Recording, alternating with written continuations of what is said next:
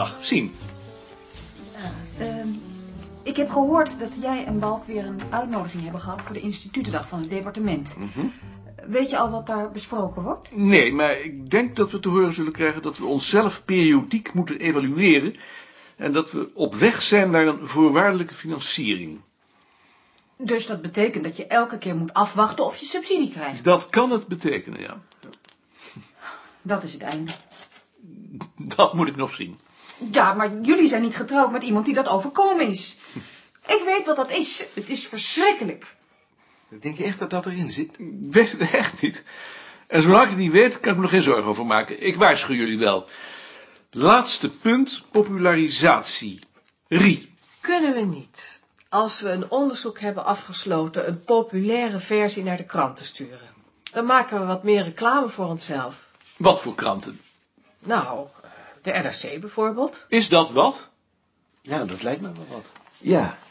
Misschien zouden we ook boeken kunnen recenseren. Lijkt me een goed idee. Is er iemand tegen? Als het geen verplichting wordt. Goed. Mijn zegen heb je. Maar ik moet zien dat het je lukt. Het is heel moeilijk om in die krantenwereld door te dringen. Hier spreekt de zoon van een journalist. De rondvraag.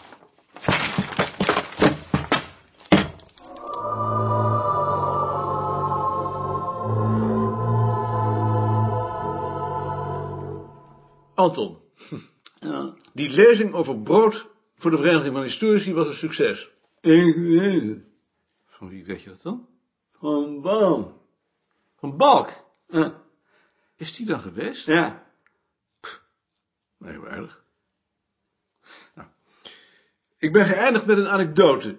Dat ik van de markt in Purmerend kwam en dat er in de bus een veekoopman zat, die tegen me zei, weet jij waarom jij zo wit bent? Omdat je wit brood eet. Terwijl ik bruin brood eet. Maar toen realiseerde ik me dat zijn zoons natuurlijk wit brood eten. In die zin moest ik schrappen van de redactie. Dat is te persoonlijk. Daar zijn ze als de dood voor. Dat is geen wetenschap. Terwijl daar juist de kern van mijn verhaal zit. Dat in dezelfde generatie de ene groep overgaat op wit brood en de andere op bruin brood. Zoek je iets? Ja. Beste Maarten, Ik, wil je ik wilde je voorstellen als lid van, lid van de ma maatschappij van Nederland-Sanse. Behalve ik stellen je nog twee professors voor. Eén daarvan is bestuurslid. Je Anton. Dat doe ik natuurlijk niet. Als het nou een vakvereniging voor kantoorbedienden was, dan... eh.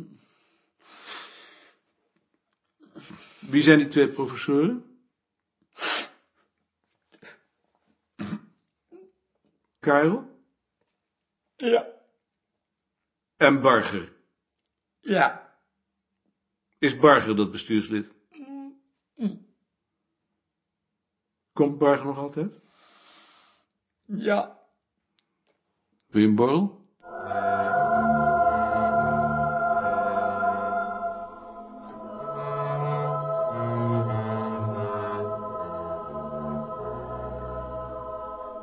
Joop, hebben jullie ook een kop thee voor mij? Altijd. Waar hadden jullie het over? Over het verschil tussen mannen en vrouwen. Dat lijkt me een onderwerp voor Ad. Alsjeblieft. Wat is dat voor thee? Dat is mijn thee. Als het niet bevalt, mag jij de volgende keer thee meebrengen. Er is ook een koek voor jou. Wie zegt dat het me niet bevalt? Schiet je op? Dank je. Ik krijg nog geen greep op. Waar ben je nou mee bezig? Van Dalfsen. Het werkt me echt te pletten. Ja, dat had ik in het begin ook. Hoe was dat nou onder Beerta? Moest u toen ook zo hard werken? Onder Beerta, ja. Onder Beerta deden we niets. nou ja, vragenlijsten overschrijven op fiches en ehm, kaarten tekenen. Maar wat ik daarmee doen moest, was mijn raadsel. En Beerta zelf dan? Beerta. Beerta begon de dag met mij te vertellen wat hij gedroomd had. Dan schreef hij wat felicitatiebrieven aan mensen die gepromoveerd waren of hoogleraar waren geworden, want hij kende iedereen. Tot de Bruin kwam met de koffie. Koffie, meneer Beerta? Arentel wel. Koffie van de Bruin. De koffie van de Bruin was voor Beerta het hoogtepunt van de dag, zei hij tenminste.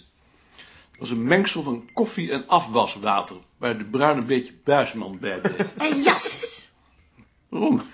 Hij spoelde de koppen om in een tijltje, er zat nog koffie in, en vond het zonde om het weg te gooien. Bah, schei uit alsjeblieft. Zo schoon zijn de glazen hier anders ook niet. Oh, als je nog aanmerkingen hebt ook, dan breng je de volgende keer je eigen glas maar mee. En dan? Nou, dan pakt hij zijn tasje, zo'n bruin plat aktentasje, nog uit zijn schooltijd. Ik geloof niet dat er ooit iets in zat. Draaide zich bij de deur om en zei, ik ben nu naar Arnhem. Hij stotterde een beetje. Of naar Enkhuizen. Maar ik ben om kwart voor vijf weer terug. Ik ben naar Enkhuizen.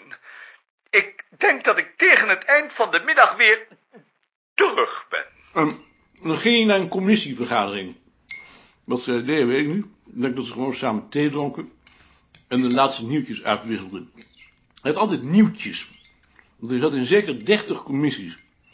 En precies om kwart voor vijf was hij dan weer terug. Ik ben er weer, zei hij dan. Is er nog iets gebeurd? Nooit iets gebeurd. nou ja, soms hadden we een vlinder gevangen en weer in de tuin gezet. Want je had daar van die hoge ramen, net als hier trouwens. En dan konden ze niet weg. Je werd er altijd enorm zenuwachtig van als je op die ladder stond. Dan liep hij beneden angstig heen en weer en dan liep hij, pas toch op! Pas op! Jongen, straks val je. Pas toch op, jongen. Maar schreef, schreef hij dan nooit wat? Wel, hij maakte samenvattingen van boeken voor ons tijdschrift. Hele goede samenvattingen. En dat waren dan boekbesprekingen. Net zoals nu dus. Nou, Precies zo, er is niks veranderd. Maar hij had toch wel een goede naam? Tuurlijk, hij wist veel. Hij schreef ook wel eens een artikel, maar alleen als dat moest, in ehm, feestbundels. En hij was een meester in het hooghouden van de schijn.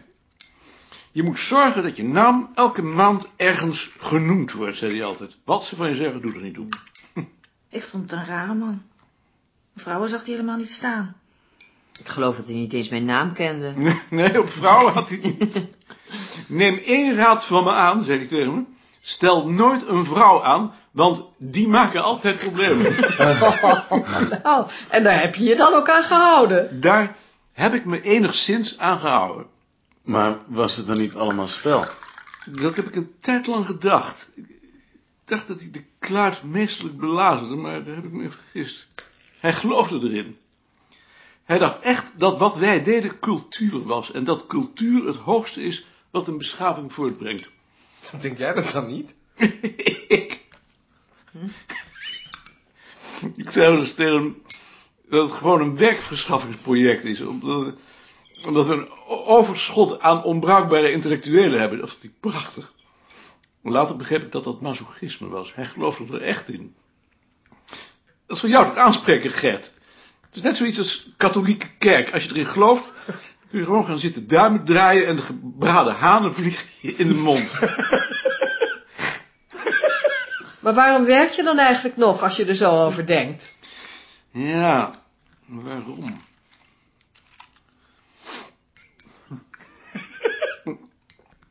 Er was een jongen op het bureau, dat was nog voor mijn tijd, de Vries heette die, die deed helemaal niets. Die zat de hele dag achter zijn bureau zonder iets te doen. Maar, als hij Beerta hoorde aankomen, dat is een oud schoolgebouw met drie lokalen, hij zat het eerste lokaal, Beerta in het laatste lokaal, dan stond hij op, ging voor de boekenkast staan en duwde een beetje tegen de boeken. Alsof hij ze precies in het gelid zette. Beerta vond dat prachtig. Dat was iemand die hard voor zijn werk had. Met hoeveel waren jullie toen eigenlijk? Met z'n vijven. Beerta, D. Haan, Balk en ik. En Wiegel en Meiring. Dat zijn er al zes. En de Bruin. Dat is zeven. Zeven dus. Meijerink was door Beerta aangesteld omdat hij Nederlands hervormd was en elke zondag naar de kerk ging. Hij zat de hele dag de krant te lezen. Dat deed hij later trouwens nog. En als hij hem dan uit had, dan gaf hij hem aan Veerman. Dat was een werkloze intellectueel, die had je in die tijd toen ook al. En die knipte die krant in stukken en schreef met een dik blauw potlood dwars door de tekst enorme codenummers. Dat was het begin van het knipselarchief. Die man was marathonloper geweest. Hij had bij de Olympische Spelen van 1928 een bronzen medaille gewonnen. En hij begon elk jaar een wisselbeker. Die haalde hij van de lommerd en die bracht hij na de wedstrijd weer terug. Toen ik hem kende, was hij heel dik geworden. Zo dik dat hij niet meer bij de twee onderste laden van het knipselarchief kon. Vandaar dat het daar heel lang zo'n rotzooi is geweest. Ja. Hij zat altijd wijdbeens in een rood overhemd. Altijd hetzelfde. Van het bovenste knoopje niet meer dicht kon krijgen. Nou ja, veerman. Tussen de middag bleef hij altijd te lang weg. Een keer riep Beert hem tot de orde. Hij liep rood aan, bracht zijn gezicht vlak voor dat van Beerta en schreeuwde... Weet u wel wie hier tegenover u zit? Hier tegenover u zit een genie, meneer Beerta. En genieën berispt men niet als ze te laat zijn. Dat ben ik niet met u eens, meneer Veerman. Genieën moeten ook op tijd zijn. Genieën hebben hun eigen tijd. Volgende dag was hij dood. Oh. En toen kwam Slofstra. Je parle toutes les langues, excepté la langue française, parce que c'est une langue très difficile. Juist. Die man moeten we hebben, zei Beerta onmiddellijk. Die kunnen we hier gebruiken. Ik vind het toch jammer dat ik dat niet meer heb meegemaakt. Ach, hij had jou niet eens genomen. Daar ben je toch niet gek genoeg voor? Nee, dat moet je niet zeggen. Hij heeft Maarten toch ook genomen? En Balk. Wanneer is dat nou eigenlijk veranderd? Met de komst van Balk. Toen kreeg je die enorme explosie die nu weer wegbezuinigd moet worden. Beerta hoorde nog tot een kleine elite. Die kenden elkaar allemaal. Dat krijg je nooit meer terug. Je telefoon gaat. Ik ga. Met Koning. Met Pandey. Kunt u straks misschien sluiten? Eh, is Sparreboom er nog niet? Vandaag niet. Dan zal ik sluiten. Dank u. Waar hadden we het over? Over vroeger. Over vroeger. We moeten het er nog over hebben hoe je me nu voortaan moet aanspreken, nu ik geen directeur meer ben. Ik blijf maar gewoon meneer Beerta zeggen. Zoals je wilt.